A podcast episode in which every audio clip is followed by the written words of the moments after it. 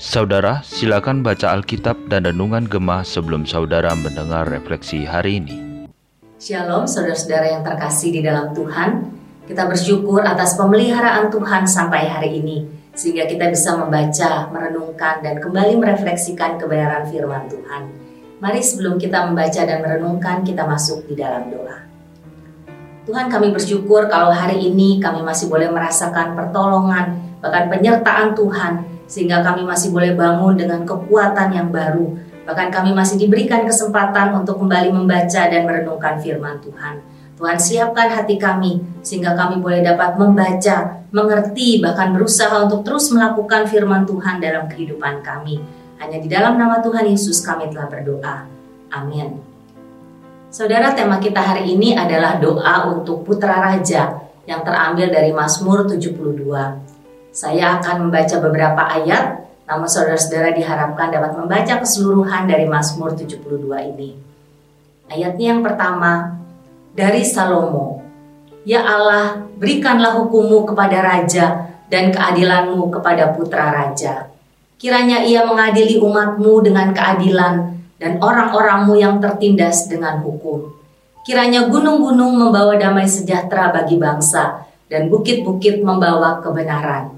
Kiranya ia memberi keadilan kepada orang-orang yang tertindas dari bangsa itu, menolong orang-orang miskin, tetapi meremukan pemeras-pemeras.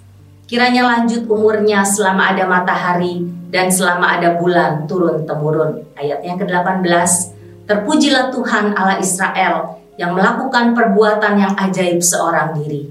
Dan terpujilah kiranya namanya yang mulia selama-lamanya dan kiranya kemuliaannya memenuhi seluruh bumi Amin ya amin. Sekianlah doa-doa Daud bin Isai. Saudara, walaupun nama Salomo disebut sebagai penulis Mazmur ini, ada tradisi yang menganggap Mazmur ini sebagai doa Raja Daud untuk Salomo yang ia ucapkan sebelum ia meninggal. Lalu doa ini ditulis oleh Salomo, seperti yang tertulis dalam ayatnya yang ke-20. Jadi dalam Mazmur ini Raja Daud mendoakan agar Salomo anaknya bisa memerintah dengan adil dan membawa damai sejahtera bagi rakyat. Rakyat miskin ditolong dan para pemeras dihukum. Saudara doa ini dikabulkan Tuhan.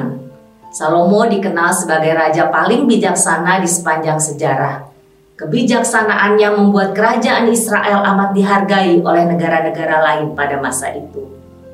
Pada masa Raja Salomo, tidak ada raja yang berani menantang untuk berperang dengan kerajaan Israel. Karya Raja Salomo yang paling agung adalah keberhasilannya mendirikan bait suci yang sangat megah di Yerusalem. Kesuksesannya membangun dan memimpin negara membuat banyak pemimpin negara seperti Ratu Sheba datang untuk melakukan studi banding. Saudara pada zaman Raja Salomo, Kerajaan Israel mencapai puncak kemakmuran yang tidak pernah tercapai lagi di masa selanjutnya dalam sejarah Israel.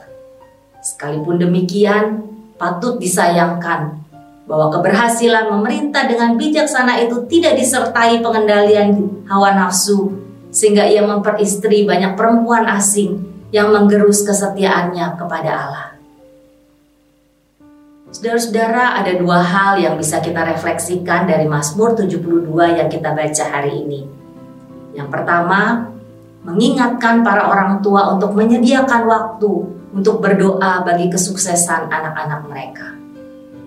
Di dalam banyak sejarah, banyak orang yang akhirnya berhasil menjadi pemimpin Kristen yang agung setelah melewati berbagai godaan dan tantangan karena mereka didoakan sejak masih berada dalam kandungan oleh orang tua mereka.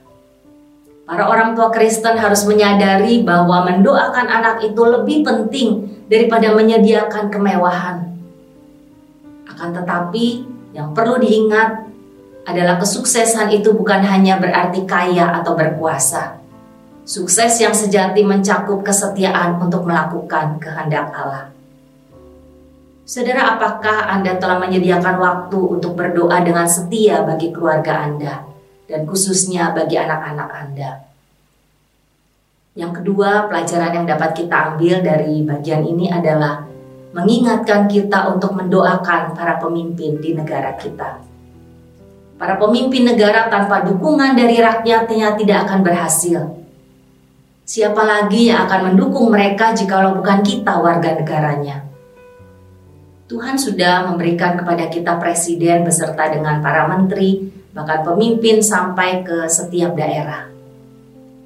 Seperti yang kita ketahui bersama, mereka bukanlah orang yang sempurna, sama seperti kita bukan. Mungkin juga ada di antara kita yang berkata, itu bukan pemimpin yang kita pilih. Namun saudara, untuk saat ini kita harus mengakui bahwa mereka lah pemimpin-pemimpin kita. Apakah Anda telah membiasakan diri untuk berdoa bagi para pemimpin negara? Agar mereka bisa memerintah dengan adil dan bijaksana sehingga membawa kemakmuran bagi seluruh rakyat. Secara khusus kita juga mengingat untuk persiapan pemilu di tahun 2024 dari mulai masa pendaftaran calon, penetapan peserta, kampanye, sampai pada hari pelaksanaan, kita berdoa agar semua itu dapat berjalan dengan aman dan tentram. Yakobus 5 ayat 16b berkata, Doa orang yang benar bila dengan yakin didoakan sangat besar kuasanya. Saudara biarlah melalui renungan dan refleksi kita hari ini, kita terus memiliki kerinduan untuk selalu menaikkan doa dan juga memiliki keyakinan bahwa kita memiliki Allah yang luar biasa yang akan mendengarkan seru doa kita jikalau kita menaikkannya dengan penuh kerendahan hati dan penuh iman. Amin. Mari kita masuk di dalam doa.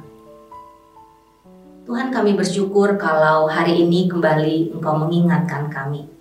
Kami bersyukur Tuhan karena firman-Mu boleh kembali terus mengingatkan kami Betapa pentingnya Tuhan kami berdoa, memiliki komunikasi yang baik. Kami rindu kami sebagai orang tua boleh berdoa untuk anak-anak kami. Bahkan terlebih Tuhan kami juga rindu, kami berdoa untuk para pemimpin negara kami. Karena kami yakin dan percaya Tuhan, ketika kami berdoa dengan bersehati, kami rindu biarlah Tuhan yang boleh bekerja untuk bangsa dan negara kami. Tuhan menolong, memampukan para pemimpin negara kami sehingga sungguh-sungguh Tuhan mereka boleh memimpin dengan takut akan Tuhan. Bahkan mereka boleh memikirkan kesejahteraan dari setiap rakyat yang mereka pimpin saat ini. Kami rindu Tuhan terus memberikan kami kerinduan untuk boleh terus bertekun di dalam doa. Karena kami yakin dan percaya Tuhan, ketika kami bersehati mendoakan dengan penuh iman, baik kepada keluarga kami maupun kepada negara kami, Tuhan yang penuh kasih akan mendengar seluruh doa kami. Terima kasih ya Tuhan. Kami menyerahkan untuk kegiatan kami sepanjang hari ini. Biarlah hanya nama Tuhan yang dipermuliakan. Di dalam nama Tuhan Yesus kami telah berdoa. Amin. Tuhan Yesus memberkati.